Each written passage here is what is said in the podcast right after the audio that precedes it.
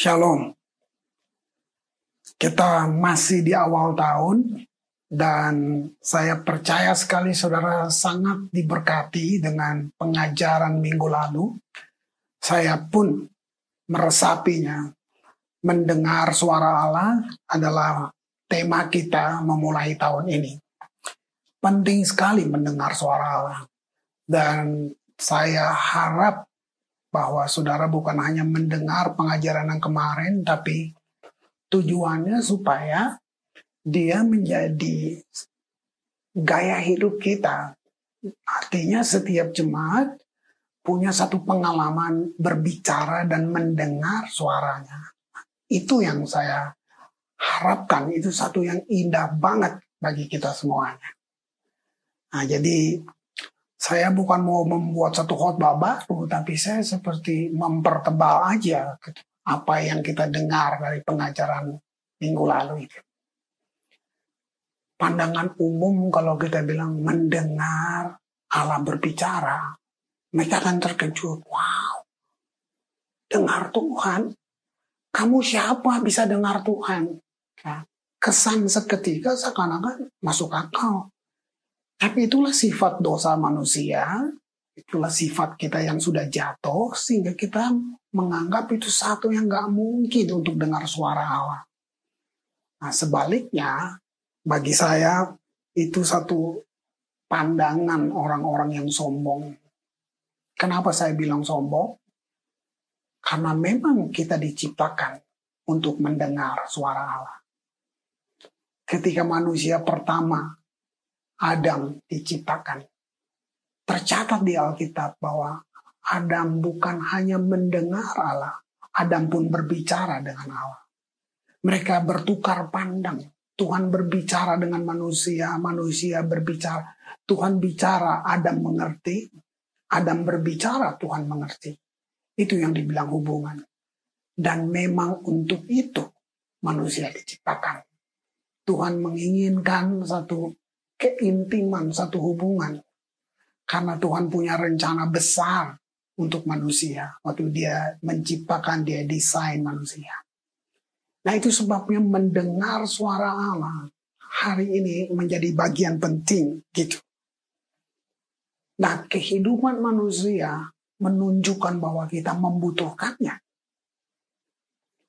Bayangkan saudara, begitu Adam menolak itu maka sistem manusiawi tidak berfungsi dengan baik.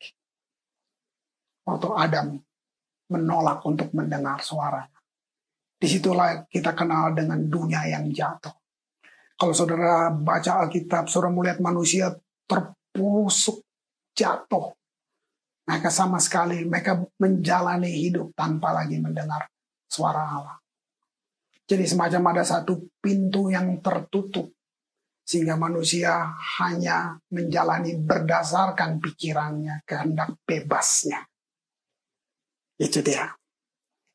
Nah, bukankah lebih congkak lagi dan sangat berbahaya jika kita menempuh eksistensi manusia sebagai manusia tanpa mendengar suara Allah. Itu yang terjadi dengan sejarah manusia sejak Adam jatuh. Saudara akan baca dari dosa kecil ke dosa besar dan dosa ke dosa, dosa ke dosa. Kenapa? Karena kita nggak mendengar lagi suaranya. Kita mengikuti apa yang kita pikir, apa yang kita rasa. Itu. Itu yang kemarin dibilang kita tidak bisa mendengar dengan hati. Nah, tapi setelah kita lahir baru, bagi orang percaya yang dilahirkan baru, pintu itu dibuka. Nah, seperti yang diajarkan minggu lalu, yaitu saudara bisa mendengar, mendengar dengan hati. Karena itu nggak bisa bohong. Nah, beban hidup masa depan. Kita nggak tahu kapan COVID ini berhenti. Tapi beban hidup kita masa depan menggelayati kita. Kita berdoa, kita bertanya. Dan apa pun yang dihasilkan oleh keputusan dan pilihan-pilihan kita, itu menjadi tanggung jawab atau kesalahan kita. Kenapa? Seperti pengajaran kemarin, kita pakai pikiran atau kita mendengar pakai hati. Saudaraku, segala hal yang baik bisa lepas dari genggaman kita. Dan konsekuensinya, konsekuensi yang mengerikan, akan kamu pikul seumur hidupmu. Hanya karena kita berjalan dengan cara kita kita tidak lagi mendapat tuntunan dari dia. Apakah hari ini saya dan saudara sudah membuat pilihan yang bijak? Apakah ini yang Allah kehendaki? Itu pertanyaan kita bukan? Nah, bagi saudara yang ikut suaranya, ada pilihan Maukah kita jalanin konsekuensinya? Meskipun orang bilang kamu bodoh. Sebagai orang muda mungkin kita melakukan apa yang menyenangkan hati kita. Kita bahkan tidak sadar bahwa kita sudah membuat pilihan. Dan tahukah saudara, pilihan itu bisa menyulitkan kamu 10 tahun ke depan. Kenapa? Karena pilihan yang tidak berdasarkan tuntunan Tuhan. Nah, tentu setelah nanti kita mengalami bencana, entah itu kecil atau besar, di situ kita baru belajar bahwa tindakan kita karena tidak mengikuti suara Allah Baru di situ kita berteriak, Tuhan di mana? Seperti itu. Dan saya mau saudara tahu ini, bahwa kesempatan jarang kembali dua kali. Di situlah saudara berseru, berteriak, coba memanggil Tuhan Nah, saya mau kita tangkap ini bahwa Tuhan memang ciptakan kita untuk berhubungan, bersahabat dengan Dia, intim dengan dirinya. Gitu. Bukan sesaat, tapi sekarang sampai selama-lamanya. Dia mendesain kita untuk itu. Inilah pandangan kekristenan. Pandangan yang benar yang dinyatakan sepanjang Alkitab. Saya mulai dari sejarah bangsa Israel. Kita baca keluaran 29 ayat 45. Saya bacakan buat saudara. Aku akan diam di tengah-tengah orang Israel. Dan aku akan menjadi Allah mereka. Ini keputusan Tuhan. Tuhan bicara sama Musa. Siapa Israel pada zaman itu? Budak mereka nggak bisa dengar, mereka nggak tahu suara Allah. Tapi lewat Musa, Tuhan bicara. Artinya dia rindu mereka-mereka ini. Menyadari, aku akan diam di tengah-tengah mereka. Aku akan menjadi Allah mereka. Ayat 46, maka mereka akan mengetahui bahwa akulah Tuhan. Lihat, Allah mereka yang telah mereka yang telah membawa mereka keluar dari tanah Mesir supaya aku diam di tengah-tengah mereka. Akulah Tuhan Allah mereka. Lihat, ini isi hatinya. Dan karena ini tertulis di dalam Alkitab, ini bisa juga jadi suara Tuhan buat saudara. Kata mereka itu bisa buat kita. Ini.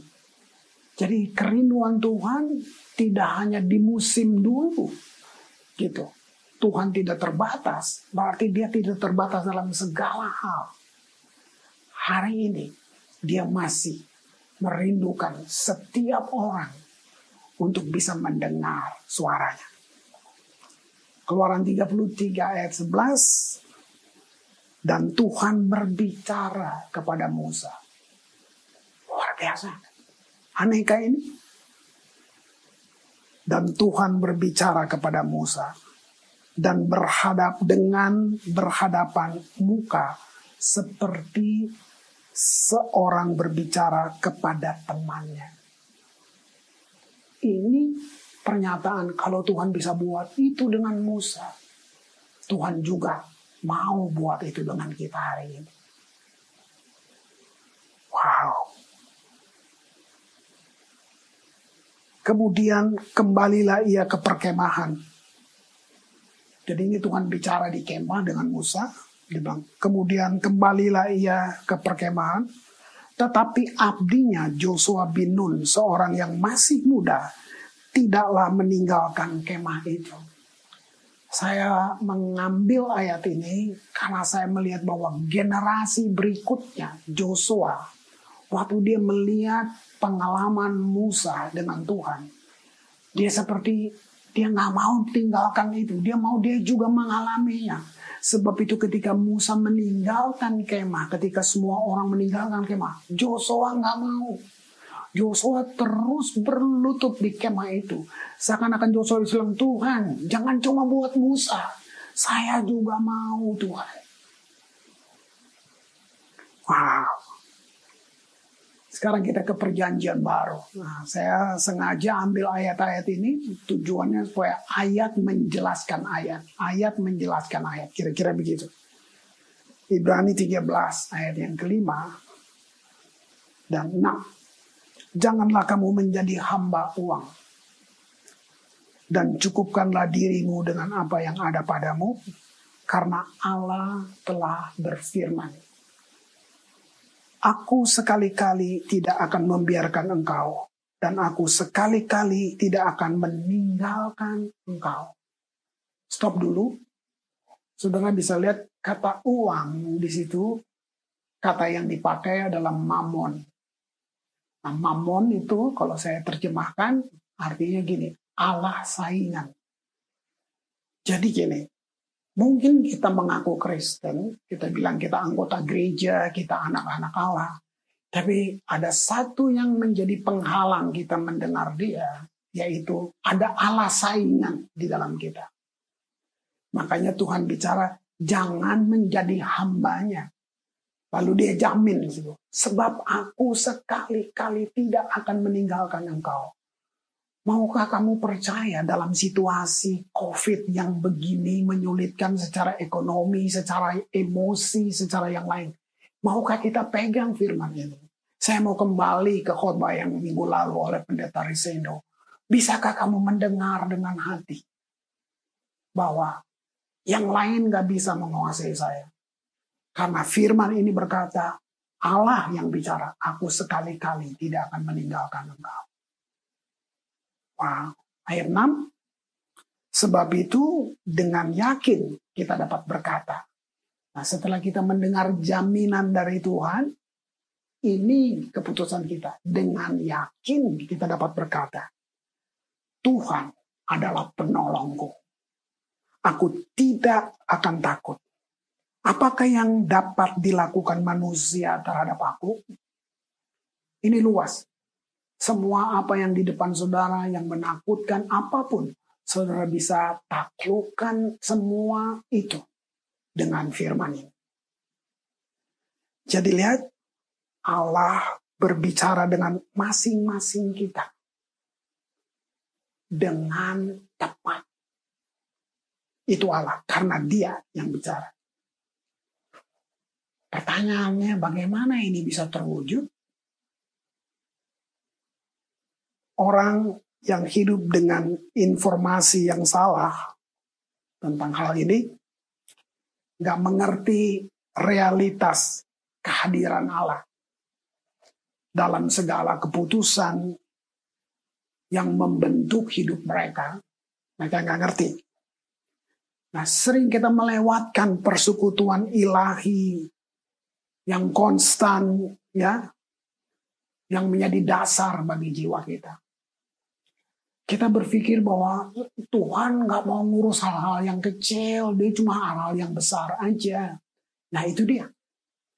Gitu.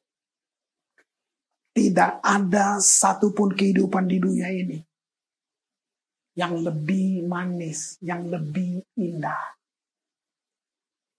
dan menggembirakan daripada kehidupan yang di dalamnya terdapat percakapan yang berkelanjutan dengan Allah. Bayangkan saudara bangun tidur, saudara komunikasi dengan Tuhan, selamat pagi Tuhan, terima kasih buat hari yang baru. Langsung saudara sudah dapat petunjuk, dapat bimbingan. Ngapain hari ini? Keputusan yang kemarin baru dipikirkan, bisa nggak saya bilang ya atau tidak. Bayangin betapa indahnya. Ya. Wow. Hanya mereka yang memperhatikannya akan mengalaminya karena mereka memahaminya. Saya kembali anjurkan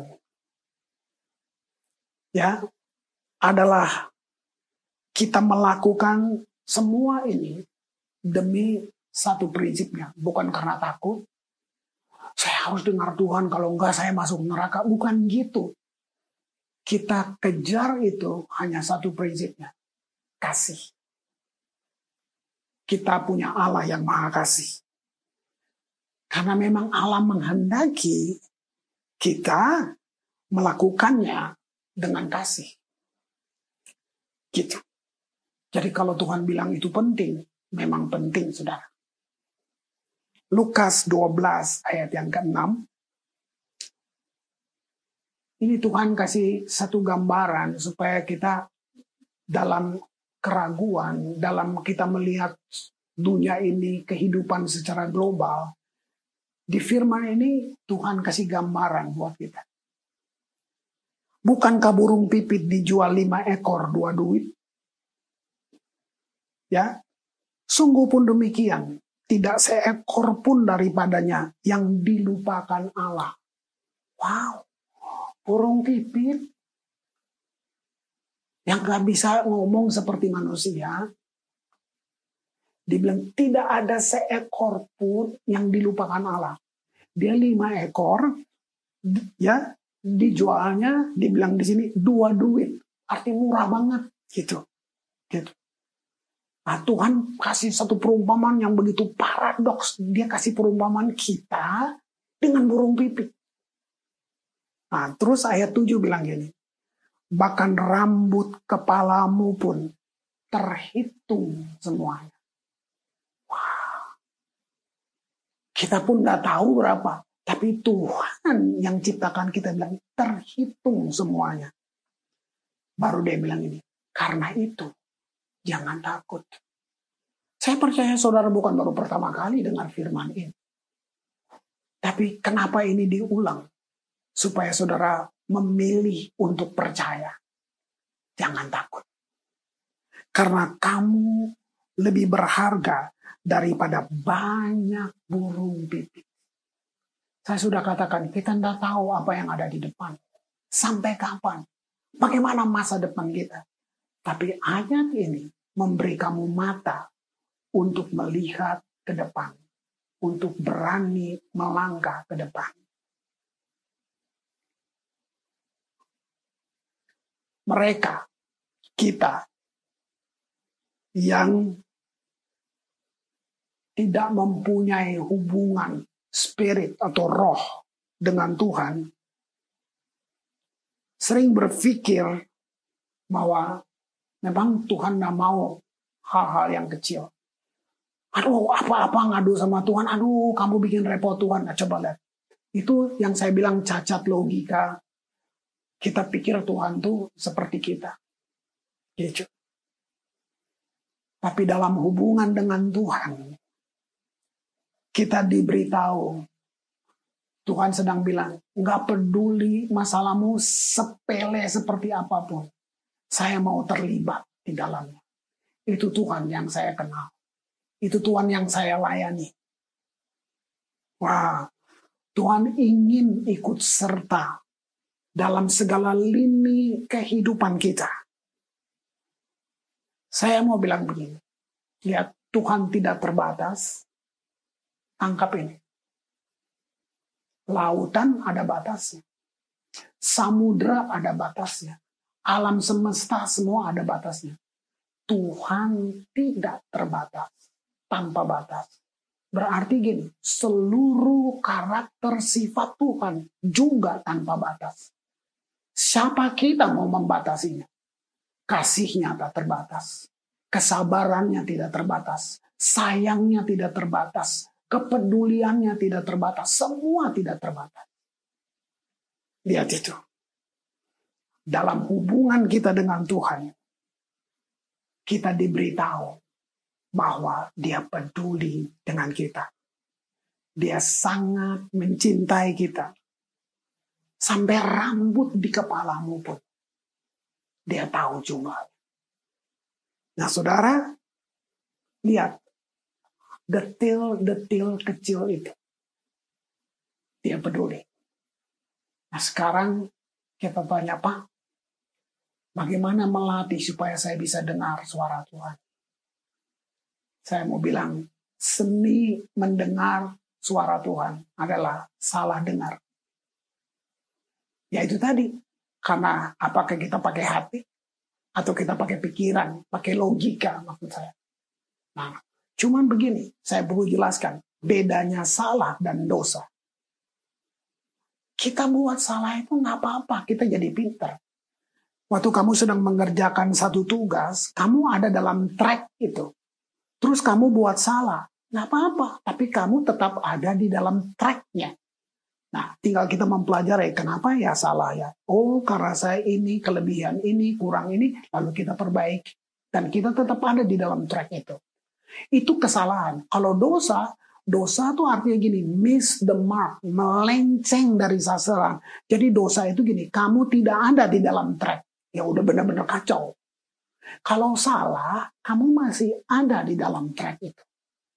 Nah, jadi saya bilang tadi, seni mendengar Allah adalah salah dengar. Sebenarnya karena memang kita hidup di dunia yang jatuh. Terlalu banyak suara yang kita dengar. Sekarang untuk membedakan ini Tuhan apa bukan, nah saya kembali ke pelajaran Risendo kemarin. Latih mendengar dengan hati. Hati yang mana? Hati yang sudah diubahkan. Hati yang ada roh kudus di dalamnya. Christ in me, the hope of glory. Saya tutup dengan ayat Yohanes 10 ayat 14. Akulah gembala yang baik. Ini mengingatkan saudara dua pengajaran dari pendeta Rulang dan kemarin pendeta Riseno Maulani. Gembala yang baik. Ingat tadi saya bilang baik, tidak terbatas. Karena gembalanya Tuhan yang tidak terbatas. Saya teruskan, aku gembala yang baik, aku mengenal domba-dombaku. Saudara nggak usah lapor absen ke Tuhan, Tuhan tahu nama kamu. Terus, domba-dombaku mengenal aku.